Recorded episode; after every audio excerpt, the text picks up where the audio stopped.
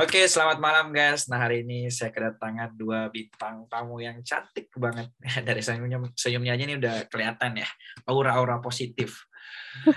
Eh, siapa lagi kalau bukan ada Mbak Triana Sari Alfiani dan Rahma Aria. Nah, kalau Triana ini teman saya ya di salah satu komunitas ya namanya Power Anchors. Jadi sekarang promosi tolong sebentar ditransfer ke Ivan. ke kita gitu. Dan kalau Rahma ini uh, mahasiswa saya yang berprestasi. Ya, jadi memang prestasinya sudah segudang. Jadi kalau mungkin teman-teman yang di Lombok udah pada kenal lah sama Rahma ya. Soalnya terkenal banget lah di Lombok. Nah, hari ini kita mau bahas tentang Indonesia. oh, di Indonesia, amin ya, menuju Indonesia. Nah, hari ini kita mau bahas tentang uh, gizi. Berapa penting, seberapa pentingkah gizi buat anak pariwisata ya karena kita akan anak pariwisata ya saya sama Rahma ini anak pariwisata ya oke mungkin atau boleh kenalan dulu deh secara langsung deh ya jangan masuk dulu ke topik ya soalnya agak nggak seru ya nanti ya mungkin boleh kenalan nih sama Kak Triana Sari Alfiani eh, aduh manis banget okay. ya Halo, selamat malam semuanya. Buat teman-teman yang lagi dengerin, selamat malam Yosua dan Rahma. Salam kenal, nama aku Triana. Kalian bisa dipanggil, bisa panggil aku Ana. Uh, saat ini aku sebagai nutrisionis atau ahli gizi di salah satu komunitas juga yaitu Sahabat Gizi dan juga sebagai customer relation di PT Nutrifood Indonesia. Nggak bisa panggil sayang ya? maaf maaf. Maaf maaf ya. Maaf mas pacarnya takut ya sering langsung di DM sama pacarnya. Saya nggak ikutan kalau itu Oke, okay, kalau Rahma nih kita langsung kenalan nih sama Rahma Alia. Ya Rahma. Halo, selamat malam semuanya. Perkenalkan saya Rahma. Ya, mahasiswa semester akhir sih jatuhnya sekarang. Udah semester 8 di program studi pengaturan perjalanan di Politeknik Pariwisata Lombok. Wow, promosi kampus ya. Thank you lah promosi kampus. Kalian. Oke, nah teman-teman ini kita udah kenalan ya sama Ana ya. Kalau dia mau dipanggil Ana bukan Tri. Soalnya dia tidak suka ditigain kan. Suka cuma satu. Dia mau panggilnya Ana, kalau Rahma biasanya dipanggil Rahma ya. Nanti bolehlah saya sertain nama IG-nya, silahkan di follow yang mau follow. Lumayan lah yang mau follow mereka-mereka seperti ada mau bertanya-tanya. Tapi jangan bertanya juga ya ada pacar atau enggak. Karena kayaknya semuanya udah punya ya. Oke tinggalin itu. Kita langsung masuk ke topik. Nah hari ini kita mau tanya sih sama kakak uh, Triana ya kakak Ana ya. Karena ini kita mau belajar tentang gizi nih ya.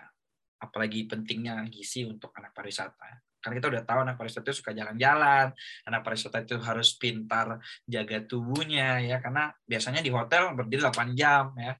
Apalagi yang anak-anak kitchen nih sangat membutuhkan banget tentang ilmu gizi. Oke, pertanyaan pertama nih Kak, asik. Seberapa penting kita harus belajar tentang gizi? Oke, seberapa penting kita harus belajar tentang gizi? Sebenarnya uh, gizi ini udah apa ya menyatu sama tubuh kita nih. Gizi itu kan uh, kita dapetin dari makanan kita sehari-hari gitu. Kenapa sih gizi itu penting gitu? Karena ketika kita uh, makan makanan yang mencukupi gizinya, terus berkualitas gizinya dari makanan tersebut, nah uh, itulah yang akan mencerminkan kondisi tubuh kita. Tubuh kita jadi sehat, aktivitas kita juga jadi uh, optimal gitu. Nah, itu sebenarnya yang kenapa sih kita mesti banget tahu tentang gizi dan juga menerapkan gizi dalam kehidupan sehari-hari gitu. Karena uh, segala aktivitas kita dan kondisi tubuh kita mulainya adalah dari makanan dan juga uh, tubuh yang sehat. Seperti itu wow, ya memang harus butuh banyak gizi ya berarti untuk buat tubuh kita sehat ya. Buat perasaan sehat, apakah kita butuh gizi? Oh, butuh, tentu saja. Oh, Oke, okay, baik, baik, baik. Oke, okay, tahan dulu. Oke, okay. ada dari Rahmani, mungkin mau bertanya langsung ke Kak Ana. Silakan Rahma. Nah, Kak, tadi kalau uh, kita lihat dengar ya sekilas ya, berarti nutrisi gizi itu maksudnya sama ya, satu hal yang sama ya. Oke, uh, perbedaan nutrisi dan gizi ya. Oke, jadi kalau misalnya nutrisi itu memang sebenarnya uh, ini kata yang sudah lampau gitu ya. Nutrisi ini uh, sering digunakan untuk keseluruhan makhluk hidup Jadi kalau hewan, terus tumbuhan gitu ya, itu pakai katanya nutrisi. Tapi seiring berkembangnya zaman, kata nutrisi ini nggak cocok lagi digunakan untuk uh, kita manusia gitu. Karena kita manusia ini dikatakan kita mencukupi uh, asupan zat gizi gitu. Jadi sekarang ini kata yang terbaru dari Kemenkes juga uh, menyarankan uh, untuk menggunakan kata gizi gitu. Jadi sebenarnya mereka ini sama, cuma kalau nutrisi itu lebih masuk ke makhluk hidup yang lain, sedangkan kalau asupan zat gizi gitu itu lebih masuk ke uh, kita sebagai manusia seperti itu. Oke. Okay. Kareta. Lengkap banget ya jawabannya. Jadi udah oh ini. Oke, nah aku mau nanya lagi nih. Nah, nah apa kita sebagai insan pariwisata itu membutuhkan gizi ya? Penting banget ya buat kami insan pariwisata itu untuk membutuhkan gizi tersebut. Nah, uh, untuk setiap insan, setiap manusia ini membutuhkan yang namanya asupan zat gizi yang cukup Oke, yang perlu digarisbawahi adalah yang cukup ya. Yang cukup di sini artinya nggak lebih dan nggak kurang gitu. Nah, kalau untuk anak-anak pariwisata, eh, kita prinsipnya adalah ke prinsip gizi seimbang. Nah, buat Rahma sama Kayosua nih, eh, jangan salah lagi nih. Kalau dulu kita dikenalin sama guru kita atau sama orang tua kita, itu empat sehat lima sempurna. Sekarang itu udah nggak berlaku lagi tuh empat sehat lima sempurna gitu. Karena si susu ini bukan menjadi penyempurna zat gizi di dalam tubuh, tapi harus mendapatkan asupan zat gizi yang seimbang. Itulah yang harus kita uh, terapin dalam kehidupan sehari-hari. Nah, kalau untuk teman-teman pariwisata, usahakan kita jaga imunitas ya apalagi di pandemi gitu kan ya. Jadi asupannya itu uh, ada nasi, nasi itu karbohidrat ya, bisa nasi, uh, pasta, terus juga roti, mungkin ubi-ubian gitu. Itu merupakan salah satu uh, zat gizi yang perlu kita uh, penuhi karena karbohidrat ini berfungsi sebagai hmm, apa ya cadangan makanan, cadangan energi dan juga kita pakai loh buat kita berpikir gitu. Jadi otak kita tuh juga butuh makan dari karbohidrat kayak gitu. Terus yang kedua itu uh, asupan zat gizi yang perlu dicukupi adalah protein. Protein ini sebagai uh, apa ya masa otot di tubuh kita itu sumbernya dari protein gitu. Terus juga dia menghasilkan tenaga atau energi buat kita melakukan aktivitas. Kemudian yang ketiga karbohidrat, protein, lemak lemak ini meskipun mungkin sering dikambing hitamkan gitu ya. Jadi kayak ah nggak mau makan banyak lemak lah gue gendut gitu kan. Tapi enggak teman-teman lemak itu juga dibutuhin sama tubuh kita sebagai cadangan makanan gitu.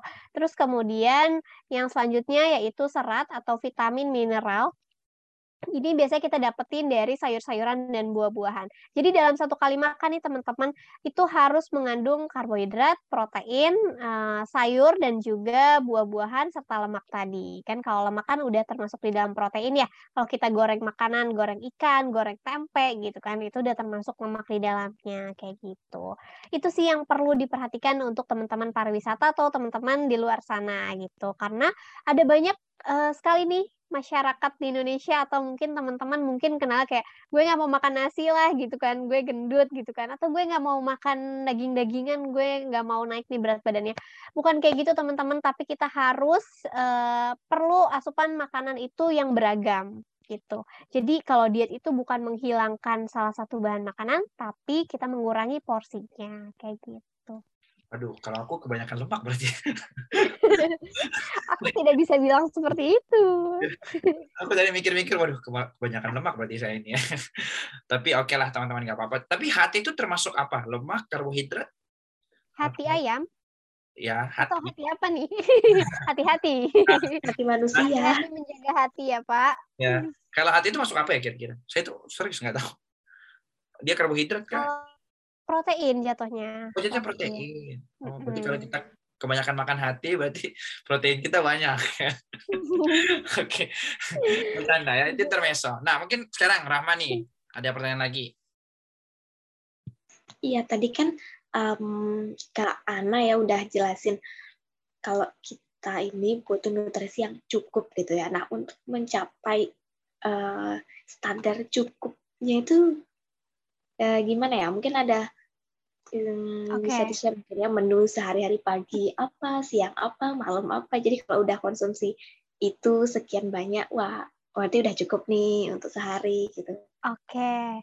Oke, aku ambil berdasarkan angka kecukupan gizi ya dari Kemenkes yang dianjurkan. Ini uh, kita ambil rata-rata usia kita ya, misalnya 19 sampai 29 tahun. Itu kita harus memenuhi kecukupan gizi kita sebesar 2250 kalori untuk perempuan dan juga kalau untuk laki-lakinya usia 19 sampai 29 tahun yaitu 2600 kalori.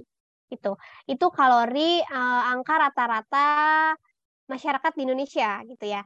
Nah, tapi untuk uh, apa setiap individunya itu berbeda-beda tentunya kalorinya. Karena kan aktivitasnya juga beda-beda kan. Ada yang aktivitasnya cuma oh gue kerjanya di depan laptop aja gitu kan. Atau ada yang setiap hari nge-gym setiap hari lari gitu kan. Nah itu yang membutuhkan energi yang berlebih tentunya gitu. Nah kalau untuk menunya dalam satu hari itu paling apa ya aku kasih contohnya kalau aku gini yang aku terapin itu aku harus makan sayur lebih banyak dibandingkan nasi atau protein hewaninya. Supaya yang pertama kalau sayur-sayuran itu memperlancar uh, pencernaan kita gitu kan ya. Terus kalau untuk perempuan baik juga nih buat kulit, buat kesehatan rambut dan juga uh, sebenarnya banyak banget fungsinya dari sayuran dan buah-buahan. Jadi kalau dalam satu kali makan, aku tuh harus banyak sayur sama buahnya dibandingkan lauk pauknya gitu. Nah, kalau untuk teman-teman mungkin bisa uh, itu ya terapin tadi yang penting ada nasi, ada eh, sorry bukan ada nasi, ada karbohidrat, ada protein, ada sayur, ada buah, itu aja dulu yang diterapin dalam satu kali makan aja. Itu kelihatannya gampang, tapi ketika kita tergoda untuk aku mau makan nasi padang, oke kita biasanya nasi padang gitu ya makannya nasinya banyak dan lauknya itu terus lemaknya itu kadang sayur aja dikit banget gitu kan. Itu yang lumayan sulit ya mungkin buat kita sehari-hari gitu. Jadi sebisa mungkin terapkan kalau sayurnya harus lebih banyak dibandingkan uh, makanan lainnya gitu. Wah, keren banget ya. Karena jadi emang kalau yang suka lari dari kenyataan itu butuh kalori berapa? butuh Pak, butuh Pak. Gimana caranya itu? Nah, itu makanya cara hitungnya gimana ya kalau yang suka lari dari kenyataan ya. Hmm. Lagi lari dari perasaan yang bersalah. Asik. Iya kalau itu kalori lebih banyak untuk bahagia. Weh, oh iya, iya. bener tuh gimana tuh butuh kalori banyak sebanyak apa nih untuk kita bisa bahagia? Karena pura-pura banyak-banyak makan coklat, banyak-banyak makan makanan buah yang bisa meningkatkan apa ya? Menurunkan hormon stres sih sebenarnya ya kalau sayur dan buah itu gitu. Nah tadi kan Ana bilang banyak-banyak ntar kelewatan gitu, banyak-banyaknya tuh uh, ada nggak standarnya seberapa sih gitu? Sehari kita okay. cuma boleh makan coklat berapa berapa ya? Kayak satu batang doang ya, nggak boleh lebih ya. Oke, okay. oke. Okay, kalau untuk batasan berapa banyak ya kita makan coklat dalam sehari-hari itu jujur belum ada ya. Mungkin eh, nggak uh, tahu ya jurnal lain tuh, tapi setahu aku itu belum ada penelitiannya. Tapi yang uh, perlu diperhatikan adalah bukan hanya coklat nih yang bisa bikin kita uh, hormon kita, hormon senang kita, hormon stres kita jadi turun gitu kan. Tapi ada makanan-makanan lain gitu. Kalau aku pribadi dalam satu bulan aku konsumsi coklat satu kali gitu. Jadi kayak maksudnya satu satu tau kan ya maksudnya satu batang coklat gitu itu paling aku satu kali karena aku lebih uh, sayang sih uangnya buat beli coklat. enggak, enggak, enggak. gitu ya, tapi kode, lebih kode buat si doi buat beli coklat. nah, bentar lagi kan mau Valentine ya, jadi itu harus hati-hati tuh. Coklat juga kan tinggi gula gitu. Jadi aku lebih suka mengganti makanan-makanan yang tinggi gula dengan yang lebih sehat seperti buah kayak gitu. Oh, tadi aku ada sedikit yang paling bagus nih Kak tentang sayur. Nah, okay saya, aku tuh orang yang sebenarnya jarang banget makan sayur dan ternyata itu bagus untuk kulit ya. Dan kira-kira ya. sayur apa yang paling bagus lah untuk bisa mencerahkan wajah saya yang agak burik dan membuat kulit saya ini agak bersih gitu. Tolonglah. Oke. Okay. Kalau yang pertama, kalau untuk sayur itu uh, yang penting harus mengandung tinggi vitamin C sama vitamin E gitu ya. Tinggi vitamin C ini kita kalau sayur di sayuran hijau, terus juga uh, wortel itu ya.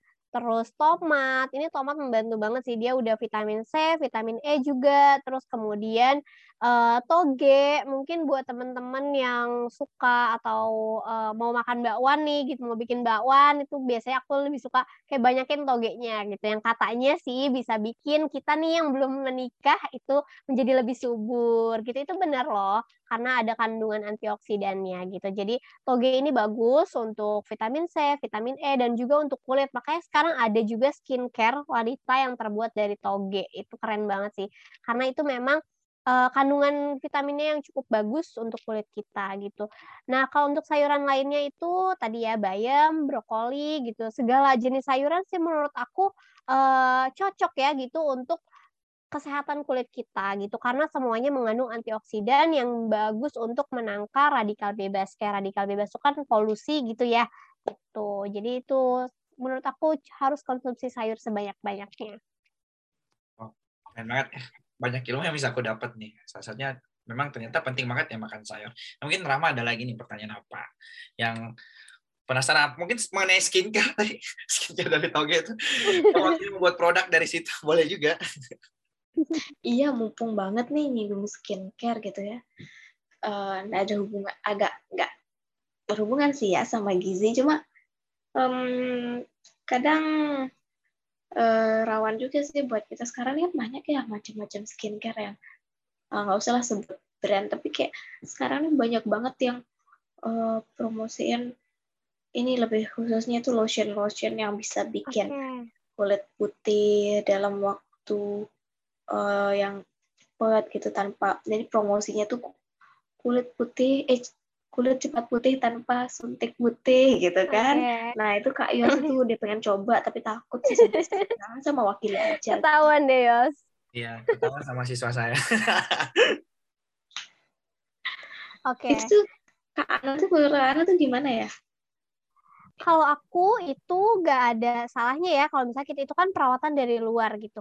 Perawatan dari luar sebagai skin skin apa namanya tuh perlindungan kulit kita uh, dari luar gitu. Tapi kulit kita juga butuh dari dalam gitu. Bisa kita pakai lotion, terus kita mandi, kan hilang lagi tuh ya. Nah, beda kalau misalnya kita makan sayur atau maka uh, minum-minum minum yang cukup setiap hari, minum air putih tentunya ya. Nah, itu yang akan membuang zat-zat racun-racun di tubuh kita sehingga kulit kita tuh lebih fresh, lebih cerah, hmm. nggak nggak kering gitu ya kulitnya. Itu biasanya dari makanan gitu. Sedangkan kalau lotion ini dia akan mem memang mencerahkan gitu ya, memang memutihkan gitu, tapi tidak uh, memberikan efek dalam jangka waktu yang panjang kayak gitu gitu. Kalau menurut aku penting dua-duanya pakai lotion, pakai skincare dan juga uh, harus ditambah asupan dari dalam. Iya, makanya sekarang banyak suplemen-suplemen kecantikan itu yang di saset-saset biasa tuh kayak itu salah oh, satu. Iya. aku nggak tahu lah, aku nggak pernah pakai skincare mas. Kalau suplemen aku sih tidak merekomendasikan ya karena uh, menurut ahli gizi dan tenaga kesehatan lainnya itu akan menimbulkan uh, penyakit dalam jangka waktu yang lama. Misal gini, kita konsumsi suplemen itu kan ada zat-zat kimia ya di dalamnya gitu kan. Meskipun memang mungkin ada beberapa yang klaimnya alami gitu kan, tapi kebanyakan mereka itu menggunakan zat-zat kimia yang mungkin akan mengendap di ginjal kita gitu. Nah, kalau misalnya kita konsumsi itu dalam jangka waktu yang lama, terus kita uh, kurang nih uh, minum fit, uh, minum apa namanya air putihnya gitu ya, itu dia gak akan dikeluarin sama ginjal kita sehingga uh, akan terjadinya penyakit gagal ginjal gitu. Atau teman-teman yang uh, suntik vitamin C, kita ambil contohnya, suntik vitamin C. Vitamin C itu kan vitamin yang tidak mudah larut ya dalam air. Sehingga kalau misalnya kita kurang minumnya, itu akan mengendap di ginjal dan menjadi penyakit yang berbahaya gitu. Jadi sebaiknya kalau mau coba suntik vitamin C atau mau coba suplemen dibarengin dengan pola hidup yang sehat gitu. Wow, berarti memang suntik putih ada risikonya juga ya. Saya jadi Iya, ada risikonya apalagi kalau uh, asal-asalan nggak di dokter yang benar-benar gitu ya. Waduh, Oke, saya akan mencoba mencari ya dokter mana yang bisa membuat saya putih secara bagus ya. Oke, nah ini pertanyaan uh, kembali nih buat Kak Ana nih. Nah, jadi berarti kan kalau di dunia pariwisata itu kan agak sibuk nih kak. Biasa kita malah kerja 8 jam, 12 jam lah. Biasanya lembur-lembur gitu dan memang membutuhkan fisik yang cukup kuat ya. Nah kira-kira nih gimana sih agar gizi kita tuh masih tetap stabil di tengah kesibukan kita di dunia pariwisata nih? Karena seperti yang saya bilang tadi bahwa kita tuh sangat-sangat disibukkan, apalagi mungkin karena sibuk kita sampai lupa makan. Nah, bagaimana okay. cara mengatur itu dan bagaimana supaya kita akhirnya oh ya bisa menjadi mengingat nutrisi itu penting lah buat hidup kita gitu. Oke, mungkin ini ya. Kalau untuk teman-teman pariwisata yang tadi dibilang uh, mungkin lupa waktu makan ya. Lupa waktu makan ini sering banget sih terjadi apalagi buat kita para pekerja gitu. Aku uh, tips dari aku sih yang pertama, aku suka bikin alarm. Nih, misalnya aku uh, kerja dari jam 8 sampai jam 12 gitu. Aku harus nyempetin di jam 10 itu aku harus ngemil apa pun itu jadi aku harus isi dulu nih badan aku pakai energi atau pertama aku sarapan. Terus kalau misalnya sarapan pagi kan kalau sarapan pagi itu sebelum jam 8 ya usahakan gitu. Terus juga uh, ngemil di jam 10 gitu kan. Ngemil tuh kayak buah, aku makan satu potong buah deh gitu. Atau misalnya aku ngemilnya agar yang tinggi serat gitu. Nah, itu alarm pertama. Terus yang jam 12, usahakan di jam 12 ini kita harus makan gitu. Kenapa? Karena kalau misalnya kita nggak makan di uh, makan siang atau kita nggak makan di sarapan nih di dua waktu itu kita akan makan di malam hari dengan porsi yang lebih banyak gitu. Dengan porsi yang lebih banyak kemudian kita capek kita istirahat pasti tidur gitu. Sedangkan ada waktu di mana setelah kita makan malam itu ada jaraknya waktu untuk ketidur itu minimal dua jam gitu. Supaya badan kita nggak overweight supaya kita tuh nggak menimbun makanan-makanan itu sampai besoknya begitu terus berulang gitu itu yang pertama. Jadi waktu makan itu memang penting. Kemudian kalau untuk uh, gimana badannya menjaga imunitas, pertama minum vitamin gitu ya. Terus makanan sayur tadi ya, vitamin C. Terus jangan lupa uh, untuk konsumsi air putih minimal 8 gelas sehari gitu. Karena uh, badan kita ini butuh butuh support gitu ya untuk menja uh, membantu zat-zat gizi yang kita makan supaya lancar gitu. Percuma nih kita makan makanan yang bergizi, tapi kita nggak minum air putih, kita akan dehidrasi gitu kan. Kita akan lemes badannya. Kayak aktivitas tuh pasti gak seger, terus pasti ngantuk gitu karena kita kekurangan oksigen pertama kayak gitu. Itu yang paling penting, konsumsi air putih gitu. Jadi kalau masih susah nih atau masih lupa nih minum air putihnya, bikin alarm aku selalu kayak gitu bikin alarm atau kita sediain uh, botol minum di samping meja kerja kita atau uh, di mana lah gitu untuk teman-teman pariwisata sebisa mungkin inget dengan uh, konsumsi air putih gitu. Kemudian jangan lupa untuk olahraga. Jadi sesibuk-sibuknya untuk teman-teman pariwisata sebisa mungkin minimal 30 menit sehari gitu atau kayak aduh gue malas banget ke tempat gym gitu kan. Nggak nggak mesti harus ke tempat gym nggak mesti harus keluar rumah olahraganya gitu. Kita bisa naik turun tangga aja 30 menit kita akan udah ngebakar kalori banget itu terus juga kayak aduh malas banget naik turun tangga masih pegel masih malas gitu masih capek. Ya udah kita bolak balik aja mondar mandir bawa berkas atau bawa apa gitu ya. Itu biasanya kalau di uh, kitchen gitu ya itu kan pasti akan lebih sering bergeraknya dibandingkan yang di uh, office gitu kan itu menurut aku uh, penting bergerak itu gitu Oke, waduh keren banget ya. Emang emang hmm. banyak dapat ilmu sih. Jadi salah satunya olahraga. Nah sekarang kan di masa pandemi ini agak susah juga sih olahraga ya.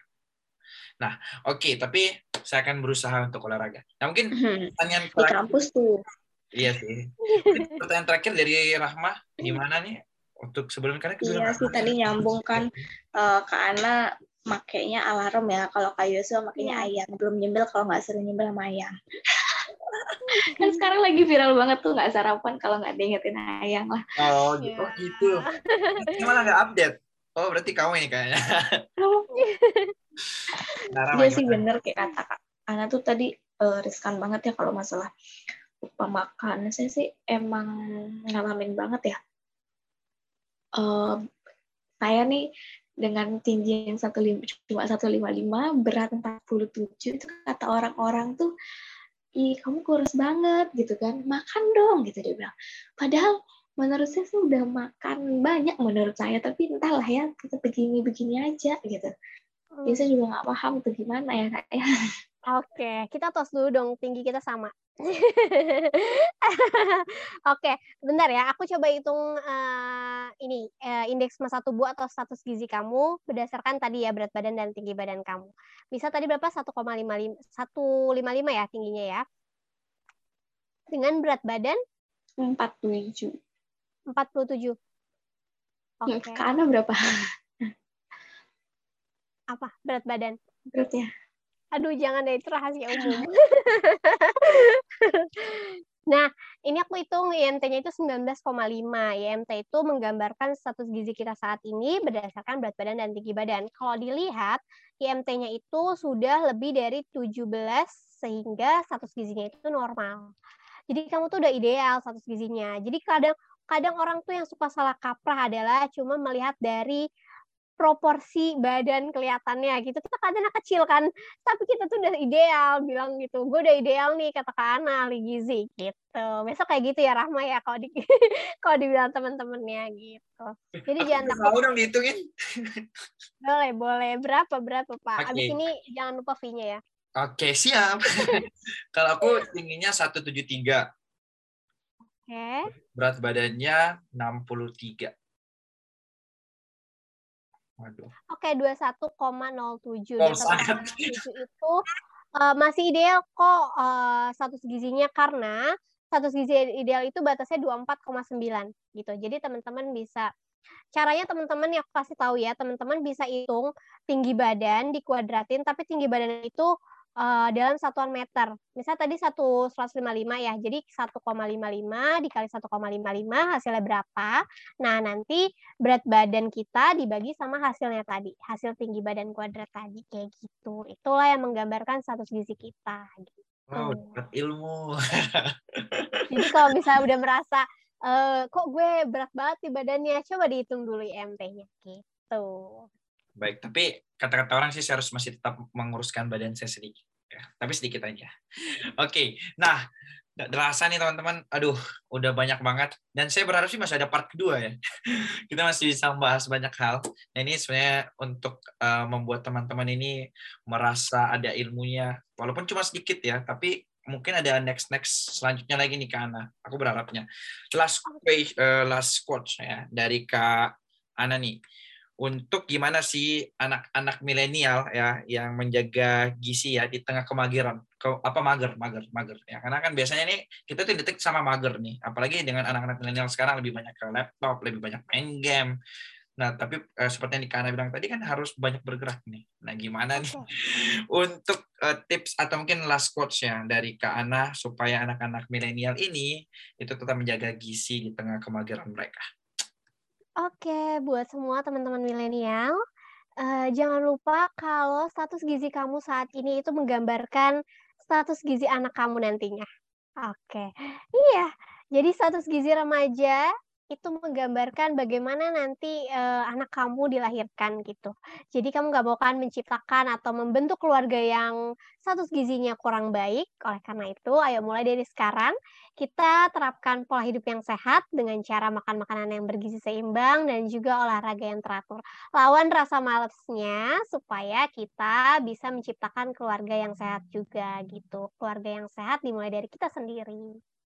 Paling itu aja dari aku, Kayos. Wow, thank you banget. Karena keren banget. ya. Jadi lawan ya. Lawan rasa kegeran itu. Nah, Rahmani ingat, kamu harus lawan. Jangan masuk lagi. Oke. Okay. Tiap hari di kampus tuh olahraga, tahu naik dari ah. apa lantai satu ke lantai tiga bolak balik bayangin. mana nih? Mantap. Dosennya ada di sini ya. Oke, mungkin itu aja teman-teman malam hari ini. Aduh, thank you banget buat Kak Ana, buat Rahma yang uh, meramaikan podcast hari ini. Semoga kita bisa ketemu lagi di podcast selanjutnya dan jangan bosan-bosan kalau saya undang. Thank you banget buat uh, Kak Ana dan Kak Rahma. Semoga ke depannya kita dapat kedua ya. Soalnya masih banyak sih sebenarnya yang harus kita bahas ya soal gizi ini khususnya buat anak-anak pariwisata. So thank you teman-teman dan see you di next video. Bye bye.